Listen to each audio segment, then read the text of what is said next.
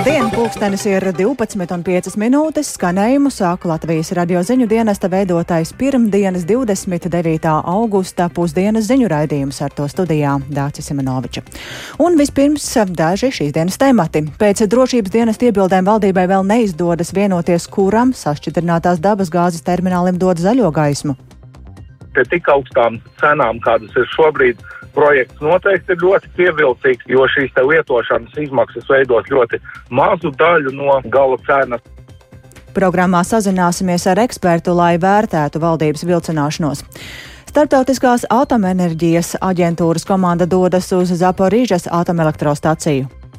Zaporīžas AS tikusi vairāk kārt apšaudīta, un Ukrainas atomenerģijas uzņēmums vēl sestdien brīdināja, ka pēc kārtējiem uzbrukumiem pastāv radiācijas un ugunsgrēku risks.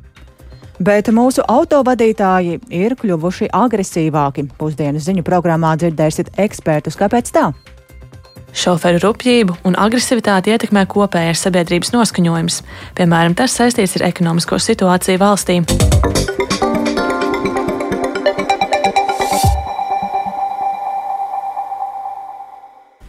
Valdība šodien ārkārtas sēdes laikā uzklausīja informatīvo ziņojumu par sašķidrinātās dabas gāzes terminālu projektu plāniem Latvijā. Tomēr nekādi lēmumi par to šodien nav pieņemti, un par to sīkāk pastāstīs kolēģis Jānis Kīncis, kurš man pievienojas studijās. Sveiks, Jāni! Sveika, Dārts! Sveicināti klausītāji! Atgādini, kādus projekta variantus tad apspriež? Jā, valdība jau jūnija sākumā uzdeva ekonomikas ministrijai padziļināti vērtēt sašķidrinātās gāzes termināla projektus, kurus ir pieteikuši uzņēmumi Skulta LNG termināla Saukrastos un Kunzeņa salas dienvidu projekts Rīgā. Pēc ziņojuma uzklausīšanas eh, valdībai būtu jāpieņem lēmums par vienu no šo projektu virzīšanu. Uzņēmums Skulta LNG termināli ir reģistrēts 2016. gadā, un šī uzņēmuma patiesie labumu guvēji ir Arfins Unums un Pēters Ragaušs. Zināms, ka šā gada maijā 20% Skulta LNG termināla akciju iegādājās arī degvielas tirgotājs Viršjā. Savukārt Konziņcēlas dienvidu projekts reģistrēts 2010. gadā. Kompānijas vienīgā īpašniece ir ASV kompānija Millennium Energy Partners LLC, un tā patiesais labumu guvējs ir Laša Šanidze. Pašlaik Baltijā sašķidrinātās gāzes termināls darbojas Lietuvā, Klaipēdā, savukārt vēlāk rudenī ap novembri darbu varētu sākt vēl viens termināls Paldiskos Igaunijā. Un ar tā darbību lielas cerības saist arī Latvija. Tomēr no enerģetiskās neatkarības viedokļa vēl vienam terminālim Baltijā būtu gan vieta, gan vajadzība. Um, tomēr valdība nekādus lēmumus nepieņēma. Kāpēc tā? Jā, pēc šīs valdības ārkārtas sēdes, kas notika aiz slēgtām durvīm, bija paredzēts plašāk izklāstīt apsvērums par terminālu projektu tālāko virzību. Tomēr pēc drošības dienas uzklausīšanas ekonomikas ministrijai uzdots precizēt dokumentus, lai valdība par šo pie šī jautājuma varētu atgriezties rītdienas sēdē. Vēl īsi piebildīšu, ka termināla izbūve nenotiktu ļoti ātri, labvēlīga lēmuma gadījumā gadījumā Kundziņcelā tas varētu tapt ātrākais nākamā gada vasarā, savukārt Kultē to īstenotu līdz 20, 2024. gadam. Jā, paldies kolēģim Jānim Kīncim. Un jāteic, ka mēs lūdzām šodienas valdības sēdes iznākumu komentēt arī enerģētikas ekspertam Jurim Ozoliņam, kurš vispirms Latvijas radio pauda kritiku, ka valdība tik būtisku infrastruktūras projektu lietas skatājas slēgtām durvīm. Viņš arī sacīja, ka vērtējumu varēs sniegt pēc tam, kad izteicies būs ministru kabinets. Bet šajā brīdī esam sazinājušies un sarunai man pievienojas Latvijas elektroenerģētiķu un energobūvnieku asociācijas izpildirektors Gunārs Valdmanis. Labdien! Jā, labdien! Halo. Labdien! Jā. jā, vai jums ir zināms, kāpēc šodien valdība lēma un neko neizlēma attiecībā uz šiem nu, projektiem? Man ir, man ir zināmi tikai šie publiskie iemesli, tātad uh, drošības izvērtējums, bet es uzskatu, ka tas ir pietiekami uh, pamatoti arī um, šajā laikā varbūt atlikt un nesasteigt šī lēmumu pieņemšanu uh, ļoti vienkārši iemeslu dēļ. Uh, Eh, ņemot vērā šo te kara situāciju, protams, eh, valdībai ir eh, jāvērtē un iesaistītajām pusēm, vai pieņemsim projekta realizāciju nākotnē nevarētu skart kaut kādas iespējamās sankcijas, kuras, kā zināms, šobrīd, ja, tātad kara apstākļos ir pat ļoti būtisks jautājums, kas var arī, nu, teiksim, kur situācija var mainīties arī tuvākajos mēnešos, tuvāko gadu laikā. Būtu ļoti svarīgi, lai tas, tas uzņēmums, kurš šo projektu realizē, attiecīgi katrs savu, lai viņi nesaskartos, pieņemsim, ar kaut kādiem kapitāla plūsmas ierobežojumiem vai arī ar iekārtu piegādu ierobežojumiem. Tas ir ļoti būtisks jautājums, un es uzskatu, ka šajā gadījumā šī viena diena nu, nav būtisks nekāds kavējums vai, vai, vai teiksim, novilcināšana, bet tas, tas ir pamatoti. Un, ja drošības dienas ir identificējuši varbūt kaut kādus riskus, tad noteikti pie tā to vajadzētu izvērtēt un atlikt šo dienu, jo tāds kavējums, kas saistīts ar drošībām, drošības jautājumiem, var pieņemsim aizkavēt pat vai pilnīgā apturēt projektu kādā nepiemērotākā mirklī, tad, kad, pieņemsim, jau ir faktiski dota zaļā gaisma, varbūt jau ir ieguldīti līdzekļi. Tāpēc es domāju, ka šobrīd tas ir pamatoti un labāks lēmums varbūt attiecīgi izvērtēt vēl kaut kādu papildus iespējamo risku, nevis jau vēlākā stadijā secināt, ka, nu, piemēram, projekta īstenotāji, kāda akcionāra vai vēl kāda citu iesaistīto pusi ir skārušas, pieņemsim, sankcijas. Vai tas nozīmē, ka patiesā labumu guvēji varētu būt arī risku sarakstā? Uh, nu, man nav šādas informācijas uh, apstiprinātā veidā, bet uh, es domāju, ka drošības dienestiem noteikti būtu jāveic šāds izvērtējums un uh, jāpārliecinās, vai tiešām nav kaut kādas personas arī labumu guvēju vidū, kurā, kuras varētu tiešām nonākt zem sankcijām vai, vai, vai citā veidā varētu būt nu, šajā gadījumā apdraudēt projektu. Un, ja runājam par pašu projektu, tad vai un kāda varētu būt kādu ieguvumu patērētājiem? Nu, patērētājiem e, iegūmi būs tik līdz šis projekts uzsāks e, praktisko darbu, un tas galvenais iegūms būs saistīts ar to, ka e, Latvija spēs saņemt dabasgāzi par cenām, kas ir līdzvērtīgas pasaules cenām, attiecīgi tātad konkurētspējīgā tirgu, atbilstoši faktiskajai dabasgāzes vērtībai energoresursu tirgu, un tas arī būs galvenais iegūms, tātad nebūs šīs te iespējas ar fiziskas infrastruktūras trūkuma aizbildinājumu uzspiest augstākas cenas patērētājiem. Tātad Latvija nu, atgriezīsies situācijā, ka tā šo resursu var saņemt bez riska, uh, apgādes drošības riska un arī bez uh, piegādātāju diktētām cenām, bez piegādātāju šantāžas elementiem, bet tiešām brīvas konkurences apstākļos. Jā, paldies. Mēs šajā brīdī sazinājāmies ar Latvijas energo enerģētiķu energobūvnieku asociācijas izpildirektoru Gunāru Valdmani, kurš uzsvēra, ka īpaši šajā laikā ir svarīgi sekot līdz tam, lai projekta realizētājiem nebūtu jāsaskars ar kādiem ierobežojumiem un ir, viņuprāt, arī pamatots eh, šī te papildus vērtēšana.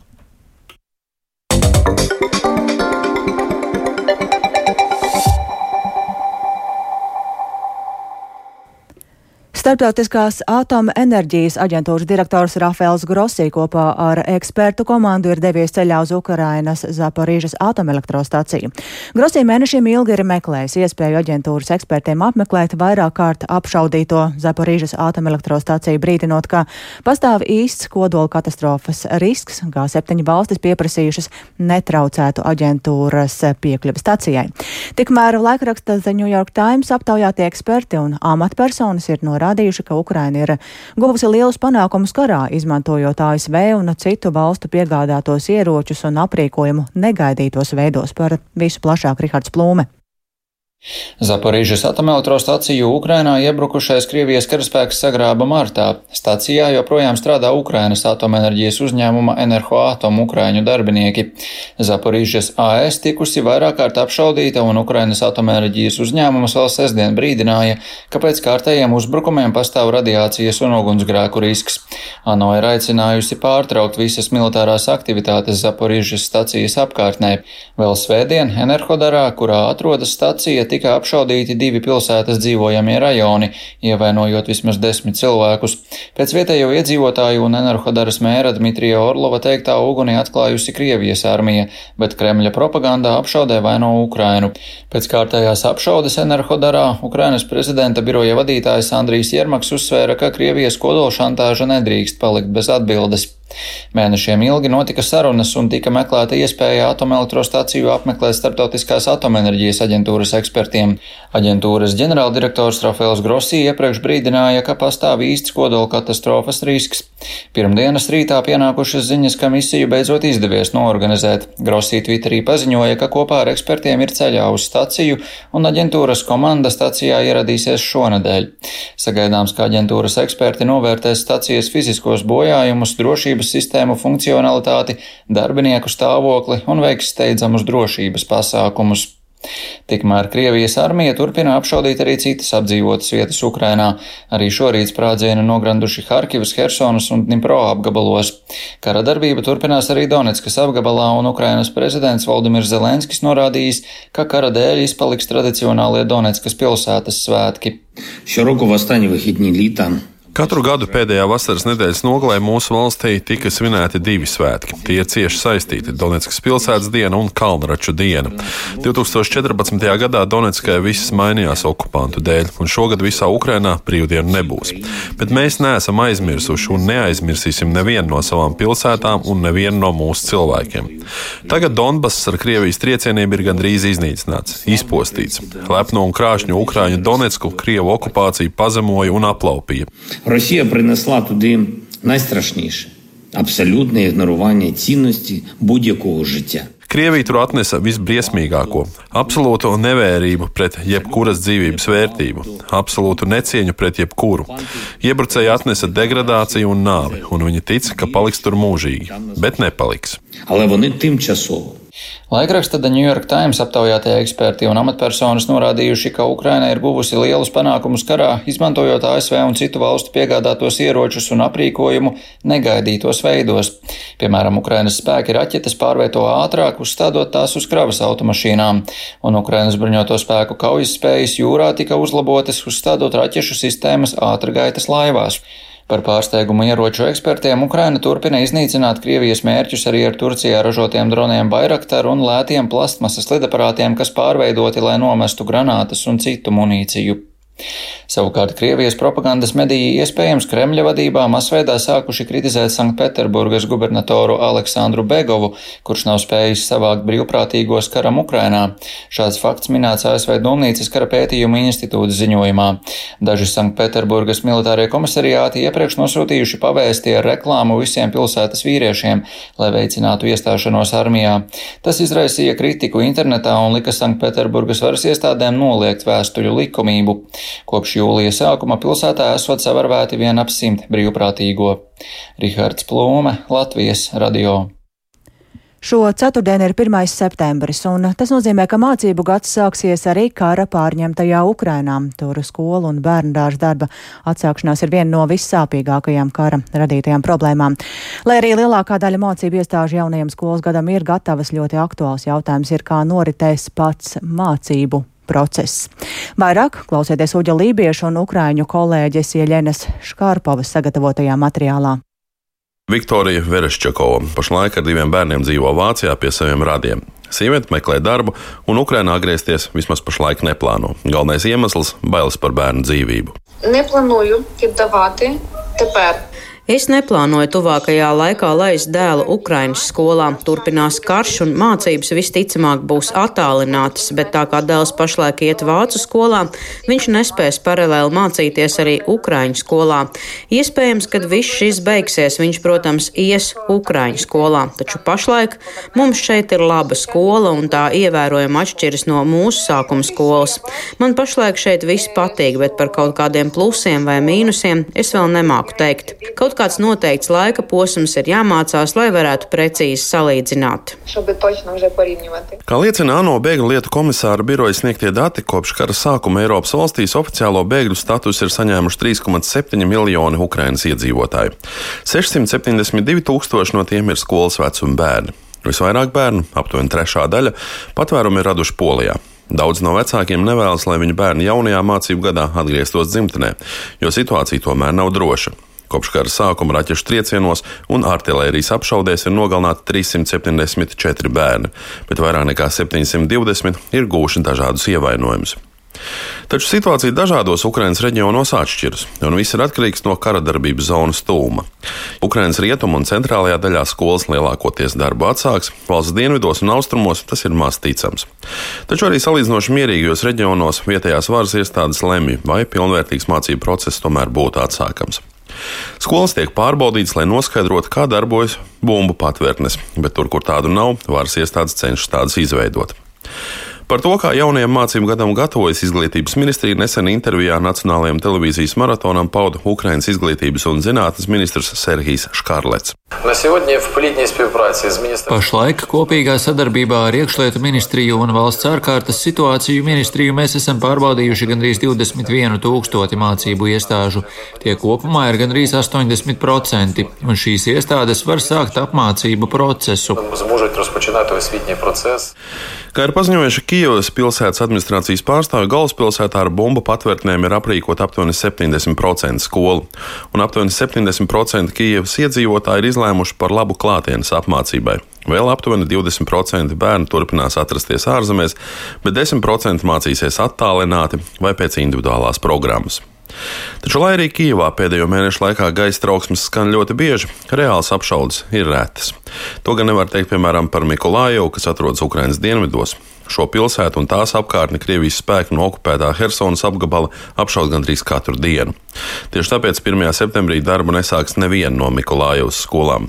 Kā pastāstījis pilsētas mērs Aleksandrs Senkevičs, vairums bērnu un skolotāji tāpat jau ir no pilsētas aizbraukuši. Taču skolas un mācību formas izvēle kara laikā ir tikai puse no bēdas. Jau tagad eksperti norāda, ka pēc 10 vai 20 gadiem Ukrainas valsts saskarsies ar milzīgu demogrāfisko problēmu, jo 20 gadnieku paudze būs katastrofāli maza. Uģis Lībijams un Jeļena Škārpova speciāli Latvijas radio no Kievas, Ukrainā. Un šobrīd ir sācies informatīvs pasākums, kurām Ukrainas kara bēgļi var uzzināt, kādas ir izglītības iespējas Rīgā. Vecākiem un viņu bērniem ir iespēja noskaidrot gan par bērnu dārziem un skolām, gan arī par interešu izglītību un brīvā laika pavadīšanas centriem. Tas notiek Rīgas atbalsta centrā Ukrainas iedzīvotājiem un vairāk stāsta Rīgas domas pārstāvis Raimons Grants prezentācijas formā. Tas būs stāstījums, eh, ko pēc tam papildinās arī jautājumu atbilžu sadaļa. Un mēs arī pasākumu esam pieaicinājuši klāt vienu mūsu kolēģi tieši darbam ar eh, Ukraiņiem, lai būtu vieglāk koordinēt šo procesu, lai visas puses citu citu saprastu. Pievienosies arī Rīgas pašvaldības policijas pārstāvi, kuri tad vairāk runās par bērnu vecāku pienākumiem, tiesībām un atbildību, kā arī par drošību Rīgas pilsētā.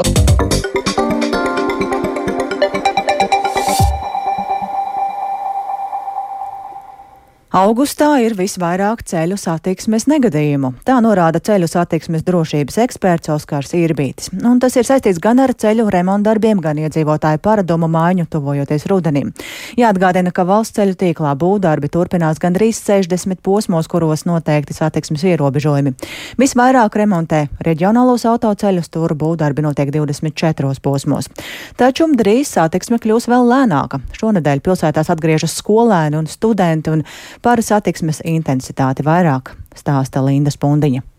Ceļa remonta dēļ uz Ventspils šoseis četros posmos satiksmi regulēja luksafori.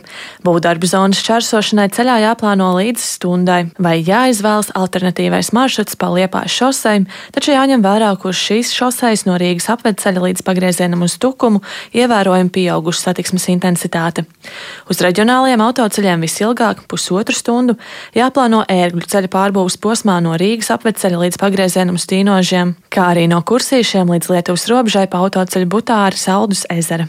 Autovadītāji ar ceļu remontu karti var iepazīties Latvijas valsts ceļu mājaslapā.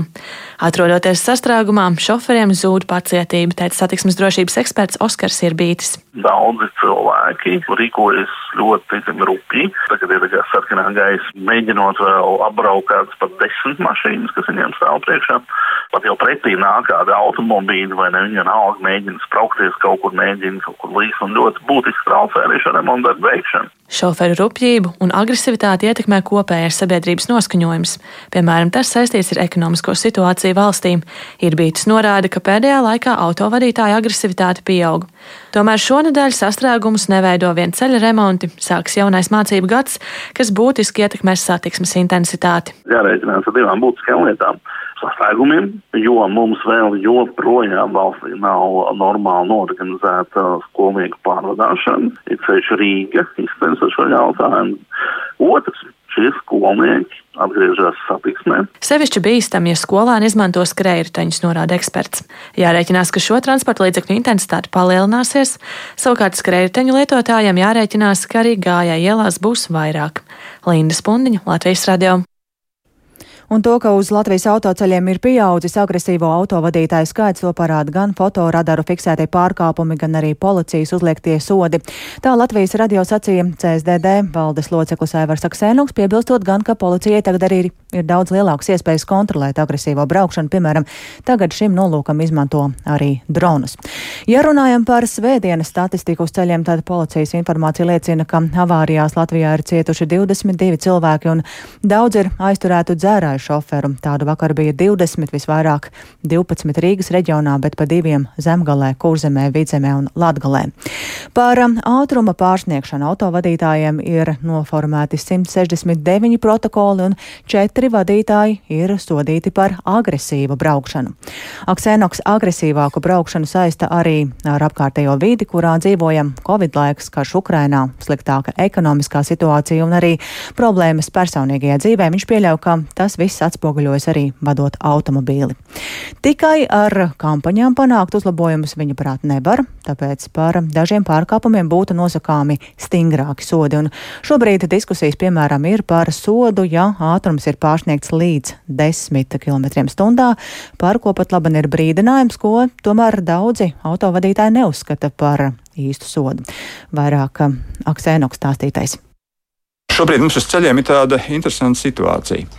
Daudz autovadītāji zina, ka līdz tiem desmit, varbūt vēl plus 3 km/h viņus īsti sodīt nevar, un viņi to uztver kā normu. Daudz autovadītāji brauc 50 km/h vietā ar 63 km/h. Un viņi paši iekšēji uzskata, ka es taču neko nepārkāpju. Bet ir autovadītāji, un mums rāda arī pētījumi, ka piemēram ārpus pilsētām 29% autovadītāji brauc ar atļautu ātrumu. It kā skan diezgan briesmīgi, 29% tikai ievēro noteikumus. Ja? Bet no otras puses tas ir daudz. Var teikt, trešā daļa brauc tā, kā tas pieklājās. Un savukārt tie, kur brauc ātrāk, tiem liekas, nu, ko viņš tur velkās, man viņš noteikti ir jāapdzen. Un tad sākās šīs apzīšanas plus vēl pavisam agresīvie braucēji, kur vispār neievēro šo ātrumu, trīs līmeņu ātrumi. Un šo apzīšanas rezultātā arī notiek ļoti smagi satiksmes negadījumi. Un, ja mēs runājam par ātrumu pārsniegumu, tad uh, varbūt ne tieši šī ātruma pārsniegšanas dēļ notiek tik daudz negadījumu, cik sekas ir ļoti smagas šiem negadījumiem. Kaut vai konkrēts piemērs Francijā. 2018. gadā Francija ieviesa ātruma ierobežojumu 80 km/h, 90 km/h vietā uz ceļiem, kur nav atdalīts pretējās kustības joslas.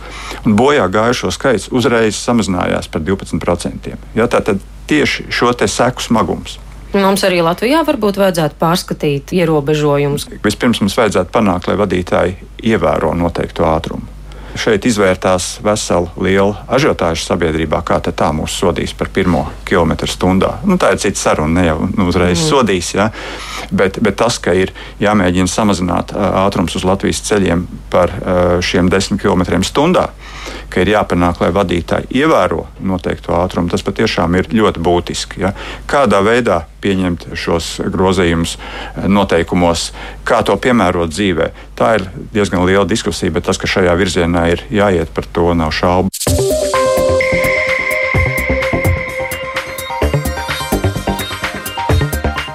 Ar to arī izskan ziņu dienesta veidotā programma Pusdiena. Producents Edgars Kupčs ierakstus montēja Uldis Grīnbergs par labskaņu ropējās Kārlis Rašmanis un ar jums sarunājās Dācis Simenoviča.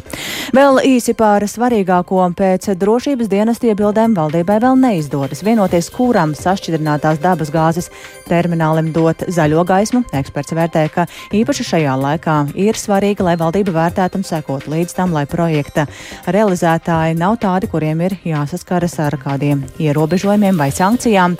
Startautiskās atomenerģijas aģentūras komanda dodas uz Zaporīžas atomelektrostaciju un vēl arī tas, ka mūsu autovadītāji ir kļuvuši agresīvāki un īpaši tuvojoties septembrim ir jābūt īpaši uzmanīgiem.